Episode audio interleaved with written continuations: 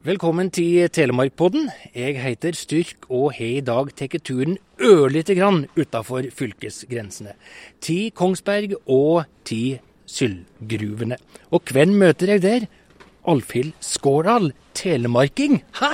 Ja, er ikke det litt hyggelig å treffe telemarkinger i Kongsberg? Kjennes veldig trygt og godt ut. Ja, så bra. Nå har du sannelig vært direktør ved Norsk bergverksmuseum i snart ti år. Hvordan eh, liker du deg i jobben? Jo, jeg må jo like meg godt da, siden jeg snart har vært her i, i ti år. Men jeg skjønner jo ikke hvor de ti åra har blitt av. Det har gått fort. Du, hva er det viktigste for deg i denne jobben? Det viktigste for meg er jo å fortelle denne fantastiske historien som uh, sølvgruvene representerer for Kongsberg, for Buskerud og for Norge, og vi sier også kanskje internasjonalt. Det er en veldig viktig historie, en veldig viktig del av norgeshistorien som vi forvalter her. Så det å formidle den uh, allsidigheten som ligger i dette anlegget, syns jeg er utrolig gøy. Men ellers er jo hverdagen min veldig mye å sørge for at pengene er på plass. Og... Men det skulle ikke være noe problem her? Lager de ikke nærmest mynter sjøl? jo, det, vi, gjør jo, vi, vi gjør, lager jo mynter sjøl, men det gjør de på nabobedriften, da, Det Norske Myntverket. Der lages det mynter, og det har de gjort siden 1686. Så jeg vil jo oppfordre da alle til fortsatt å bruke mynt, slik at vi fortsatt kan ha denne uh, flotte uh, fabrikken uh, fortsatt i Norge og på Kongsberg. Vi skal tilbake til sølvgruvene. Det er ganske omfattende anlegg du er sjef for, Alfhild. Nå står vi ja, midt på anlegget. Hva er det rundt oss av bygninger? I det området vi står nå, det, det ligger i Sagrenna, åtte km utenfor Kongsberg sentrum, i retning Notodden. Og her er inngangen til sølvgruvene. Da kan man ta en togtur da inn i fjellet, og det skal vi gjøre etterpå. Men ellers i området her så kan man gjøre mye, oppleve mye og se mye. Vi har eh, en aktivitetsplass for barn der man kan få demonstrert fyrsetting, man får prøvd myntpreging, sølvvasking det er en, eh, de gamle sakkerhusene fra 1870-tallet som husa flere hundre gruvearbeidere når de var, bodde her ute i, i, uka. Der er det i dag museumskafé, det er museumsbutikk. Stuva inn en bråte med mannfolk. Eh, ja ganske høyt testosteronnivå, skulle jeg tro. Ja, jeg tror det tør jeg nesten ikke tenke på engang. Og, og, og tenk på den lukta som må ha vært der inne. For der hadde de De lå i såkalte husker. Det er sånne tresenger, ligner litt på sånn som sjøfolk lå. I høyden Det var ganske høyt under taket, da, eller det er høyt under taket, disse sakkerhusene. Og der lå de tre-fire mann i høyden. Også på gulvet sto kassa med mat og klær. Det ble en stank uten like. Uff a meg. Og så var det hjem da til kjerring og bånd eh, i, i hærene eh, inne i byen. Det var det. Og da var det jo kvinnene som regjerte der, og hadde, hadde, små gårdsbruk med kanskje en ku og en gris og noen høner og en liten jordlapp. Og det var det da kvinnene som ivaretok. Og det, det, hele dette landskapet på Kongsberg blir kalt for Løkkelandskapet. Og det ser du veldig mye spor av også i dag, med mye tre, små eiendommer som er gjerda inn med, med tregjerder. 1782 stender på tunnelåpningen her eh, når vi nå skal inn i fjellet? Tunnel? Det heter ikke det tunnelstyrk, det heter Stoll. Stoll. Årsak 1782 stender på Stollen. Og nå, kjære lyar av Telemarkpodden, nå skjønner du at jeg er drite på draget og har bruk for en skikkelig omviser. Og eh, direktøren har nærmest premiere i dag eh, som omviser for Telemarkpodden. Og det er moro, fordi dette er ikke dagligdags for deg. Nei, det er det jo ikke. For jeg, vi har så mange flinke både fasteguider og sommeransatte som vi engasjerer. Vi har over 25 ungdommer som jobber her og på museet i sentrum om sommeren. De er våre flotte guider og våre ansatte. Jeg sitter og sysler med helt andre ting. Men jeg syns jo det er fryktelig gøy å ta med folk, eh, sånn som deg nå i dag, inn i hjertet av eh, sølvgruvene. Jeg gleder meg. Og det er en gruvegang vi skal inn i, det er det. Og du, du skal kjøre? Jeg skal kjøre. Ja. Vi har en, en, ATV som går på skinner, så det er ganske enkelt at, siden den går på skinner. Men jeg skal kjøre deg 2,3 km inn i fjellet, og du skal få sitte i det, en vogna vår som vi kaller for en sånn beredskapsvogn. Vanligvis så har vi jo tog med lokomotiv og plass til 110 passasjerer. I den lille vogna du skal sitte i, så er det en plass til fem-seks stykker. Hva er det vi dreier inn til da? Ja, Det vi gjør nå er at vi reiser inn i den absolutt største gruva, Kongens gruve. Det var der man tok ut eh, det meste av sølvet. Eh, man tok ut faktisk eh, rundt 600 tonn sølv i denne gruva. Den er veldig stor, og den har også en spennende historie opp mot vår tid. Den, er, den starta jo da i 1782, som du sier, men også under annen verdenskrig så spilte Kongens gruve en sentral rolle. Der oppbevarte man kunst fra Nasjonalmuseet, eller Nasjonalgalleriet, og fra museer i Bergen osv. Eh, og også Riksarkivet flytta hele sin virksomhet inn i eh, Kongens gruve. Og var kontorplass der i flere år for de som eh, jobba i Riksarkivet. Så der gikk toget inn, og der kom de på med hatt og frakk og dokumentmappe og skulle på jobb. Da gleder jeg meg til å sitte på i beredskapsvogna. Det er direktøren sjøl som fyrer opp dette skøyeraktige, fargerike fortøyet. Og hvis du klarer avsporing her nå, så blir jeg nesten imponera. Nei, ja, jeg skal holde meg på skinnene. Det lønner seg det å holde seg på den smale vei. Ja, det gjør det. Ja. Nå skjønner du. Ho, ho, ho. Nå er det bare å stålsette seg, Stig.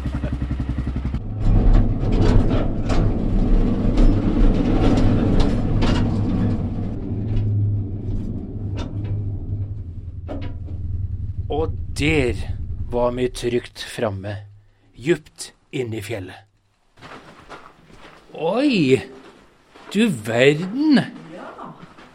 Når vi nå har kjørt 2,3 eh, km eh, i det smale hullet, og så åpner det seg katedral på katedral her inne. Ja, ikke sant? Ja. Det er jo nesten som katedral. Og når du kommer inn i noen av disse fyrsatte stollene som vi skal se etterpå, så er det nesten som å gå i en sånn gotisk eh, kirke, altså. Det er fantastisk. Det er så vakkert. Så flott. Det, det er nydelig.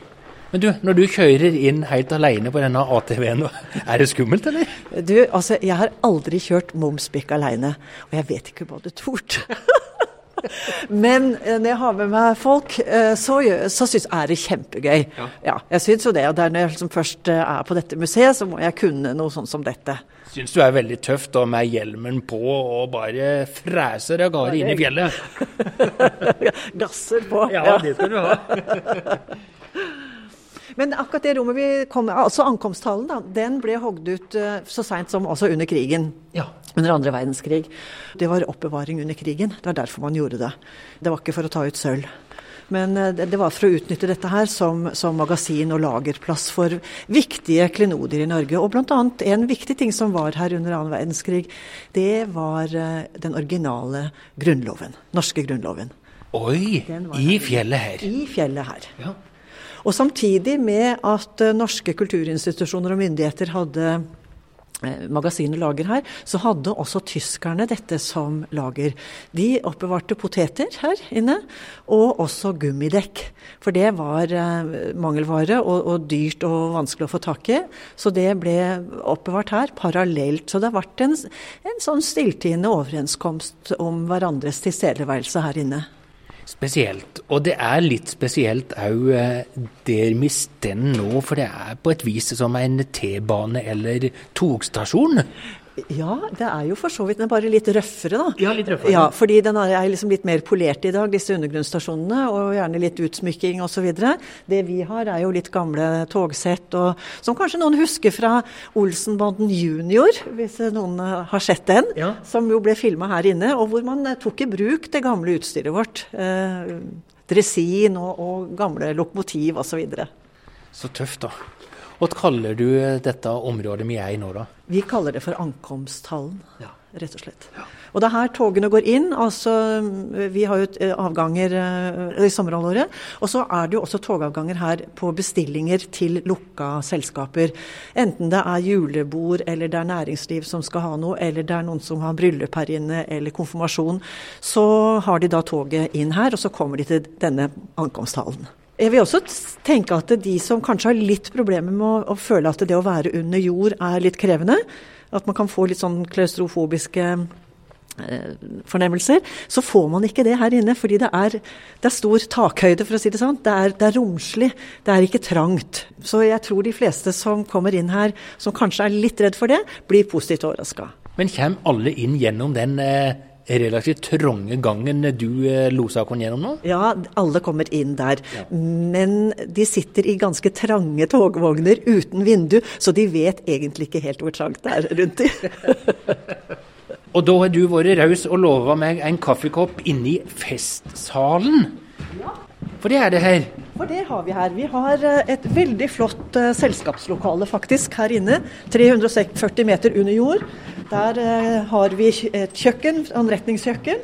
Og vi kan servere til 200 gjester i et varmt og godt uh, rom. Og i kveld har vi faktisk dekt. Og i dag har vi dekt, for det skal være et selskap her i kveld. Så nå får du se hvor fint det kan være da. Oi, oi, oi, så lekkert.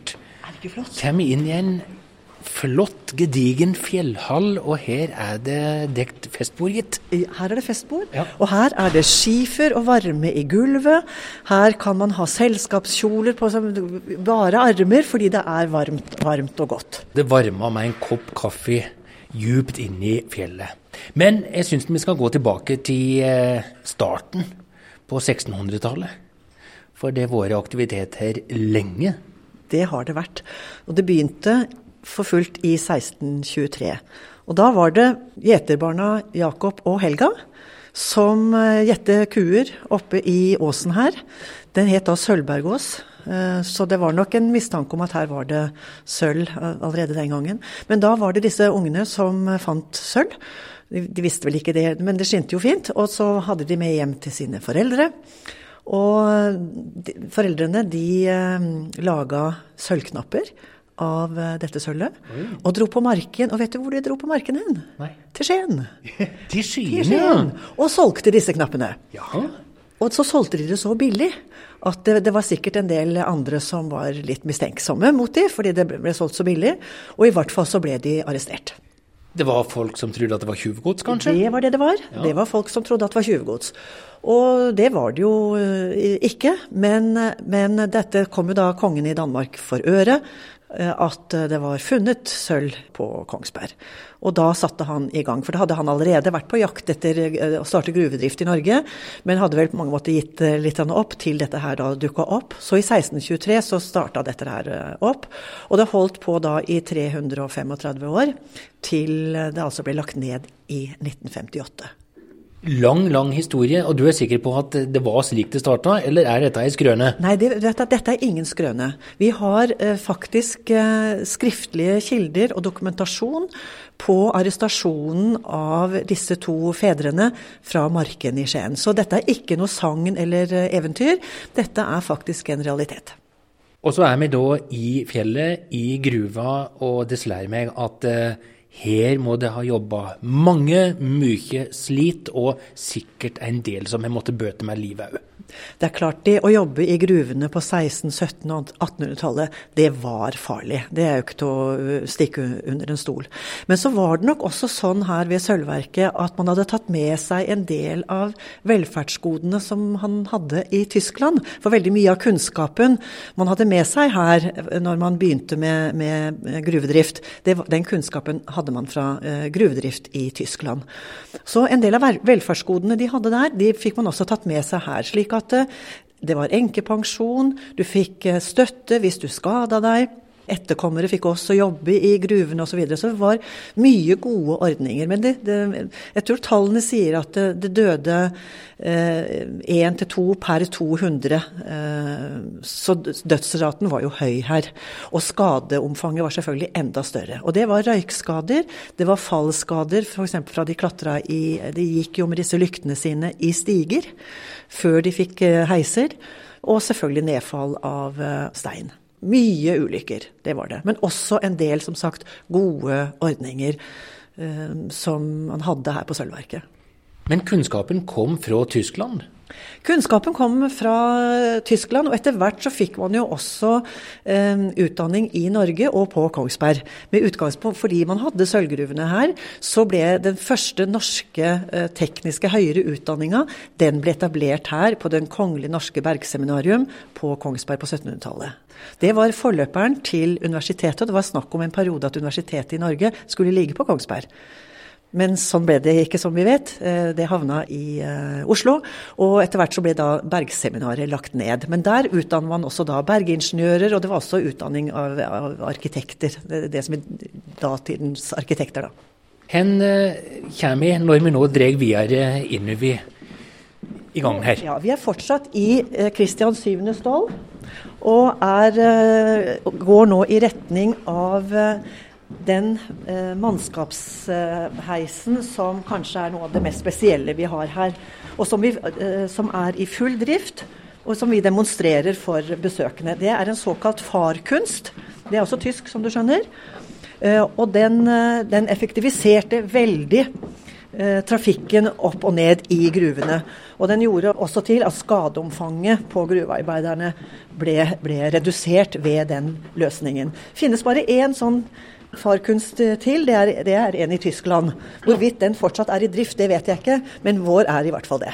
Det er ganger og veier og skinneganger i, i, alle retninger her. Ja, det er det. Det er uh, 1000 km med gruveganger. Det er en strekning som herfra til Trondheim. Uh, inne i dette fjellet. Og det er rundt 300 gruver og åpninger og innganger i denne, for å kalle det sveitserosten. Så det er ikke lett å orientere seg her. og det er, det, Når du er under jord og du ikke har noe å orientere deg etter, så syns jeg i hvert fall det er veldig vanskelig å vite hvor, hvor er nord, hvor er sør, hvor er øst og vest. Helt umulig for meg, altså. Jeg, jeg gjeng etter deg. Det er ikke sikkert det er så trygt. Ja, ja, ja. Du har min fulle tillit. Ja, det er bra. Det er bra. Her er også en av, en av, de første heisene. Den kan vi dessverre ikke demonstrere, men den viser eh, hvordan man da frakta eh, gruvearbeiderne opp og ned i gruvesystemet. Denne her kom etter farkunsten. Og her kunne det stå fem-seks mann inni. Og i tillegg så kunne man ha litt malm på toppen. Så eh, det var en effektiv drift. Og der forsvinner du ned i et svart hull! Men denne heisen her gikk mye fortere før. Men her må du nesten forklare prinsippet. Du kan si det er to, to stag som går eh, Den ene går opp, og den andre går ned. Og så står det et, eh, et brett på hver av de stagene. Det står brett nedover hele veien. Og så går de hver sin vei, og da må du hoppe over eh, til de bretta. Og så kommer du enten ned eller opp, da. Vet ikke om det var noen god forklaring, men ja, Det var god forklaring. Men kanskje får komme og se. Og det er lov å prøve òg, dette her? Nei, vi lar bare folk se på. Ja, Det tror jeg er veldig lurt, for ja, guidene... Eh, jeg ble nesten litt redd for deg, jeg. Ja, jeg òg. det er litt skummelt. Men, men slik holdt det altså på, arbeiderne, og det var et høyere tempo. Ja. Og ja, rett, rett, og slett balansekunst. Ja, rett og slett balansekunst. Men det er klart at dette var en, en veldig fin uh, nyvinning. Uh, Istedenfor å klatre i uh, raklevorne stiger opp og ned. Det tok jo veldig lang tid. Og, og, var veldig farlig. Kan tenke deg at det var isete, du var sliten når du skulle hjem. Så dårlig, dårlige lykter, ikke sant. Så var dette her en, en nyvinning, og som var et sikkerhetstiltak for, for gruvearbeiderne. Sa du når denne heisen kom? Den kom på 1880-tallet.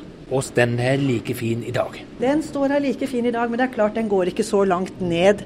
Fordi vannet her nå i denne gruva eh, står i bånn her nå. Du ser vannet stå, står her nede. Den er vannfylt. Ja, visst, men, ja. men selve farkunsten gikk jo mye, mye lenger ned tidligere. Ja. Så er jo hele dette gruvesystemet veldig prega F.eks. ved bruk av navnene her av Tyskland. Veldig mange av gruvene har tyske navn. Det er Gabe Gottes, det er Gotteshylfe in der Not, altså Guds gave eh, i nøden. Det er eh, Mildigkeit. Eh, og, og, sånn er det gjennomgående. Nesten hele gruvesystemet har eh, tyskinfluerte navn. Og Du ser det også i byen for øvrig i dag. Veldig mye tyske navn som går igjen både i gatenavn og i bygninger osv.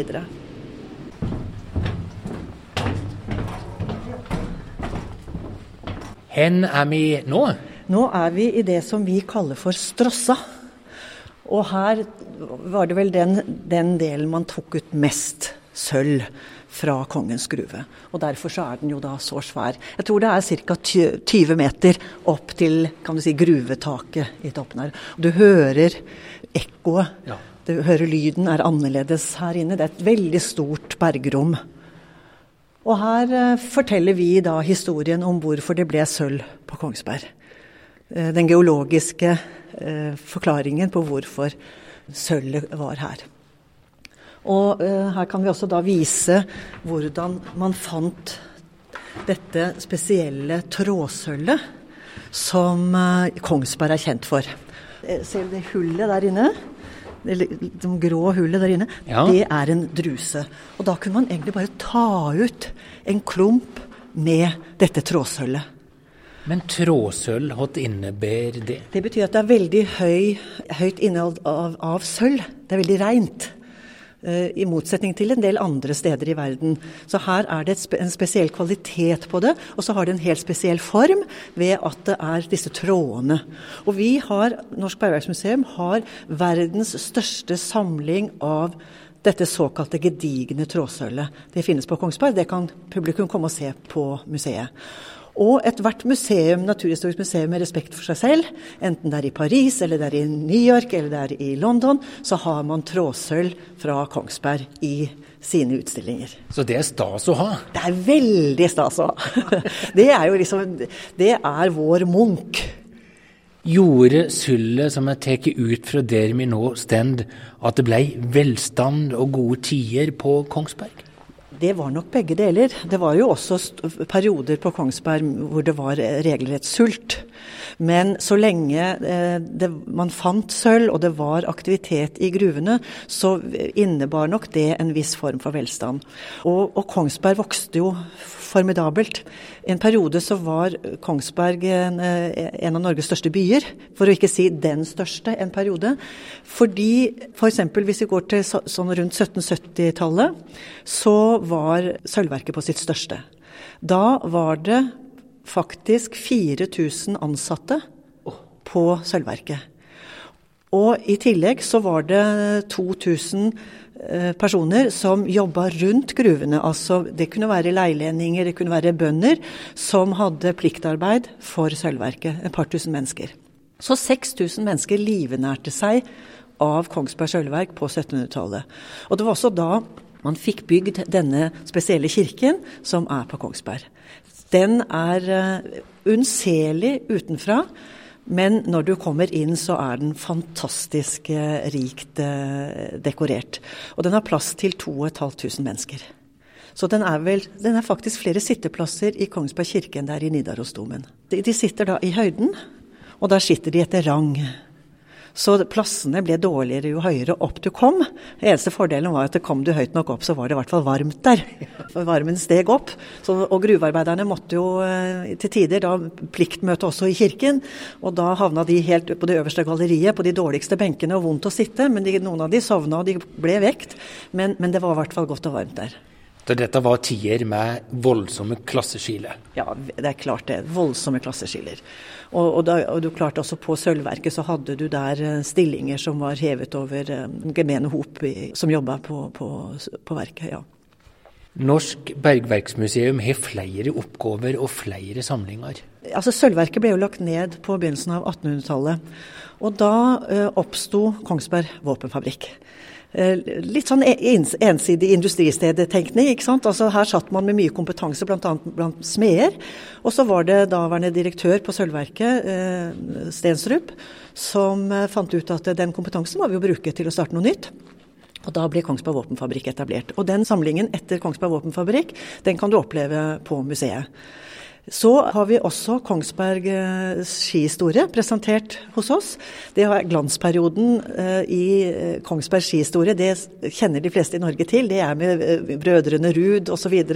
som hadde en enorm karriere fra 1930-tallet til 1950-tallet. Hvor de skuffa unna det meste av medaljer både i Norge og i utlandet, og OL-medaljer osv. Så, videre. så vi har en stor samling som forteller den historien. En annen viktig del av Kongsberg sølvverk var jo myntproduksjon. Mesteparten av det sølvet som ble tatt ut her, ble jo brukt til å lage mynt. Og i 1686 så eh, ble Den kongelige mynt etablert på Kongsberg ved siden av smeltehytta til sølvverket.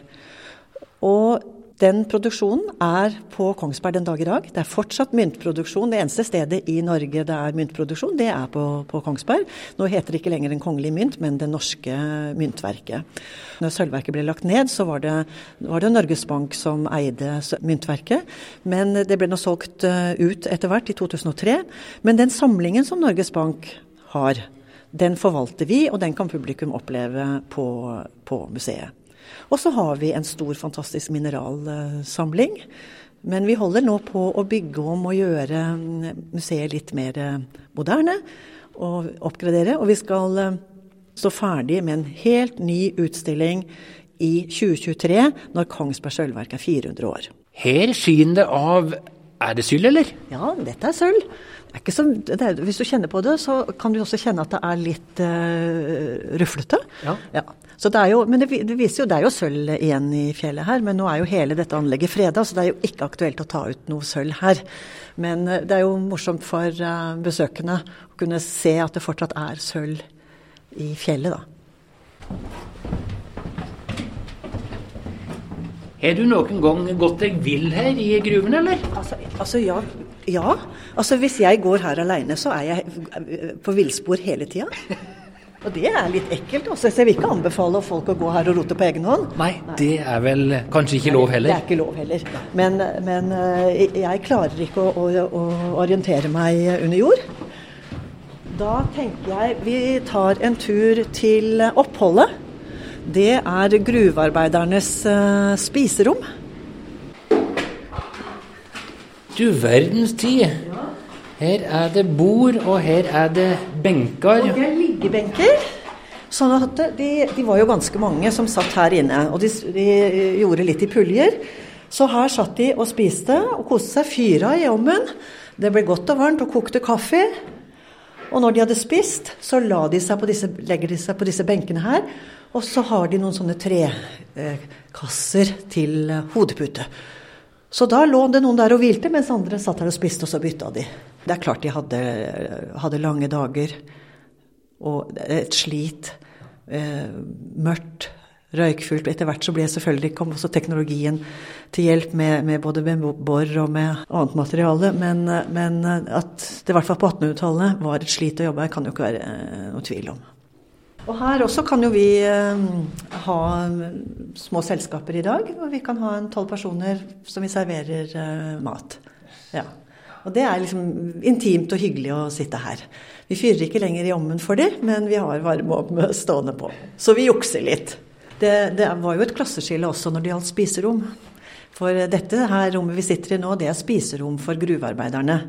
Mens eh, Stiger og andre litt mer høyt på strå som jobba i gruva, de hadde et eget spiserom som var litt mer forseggjort.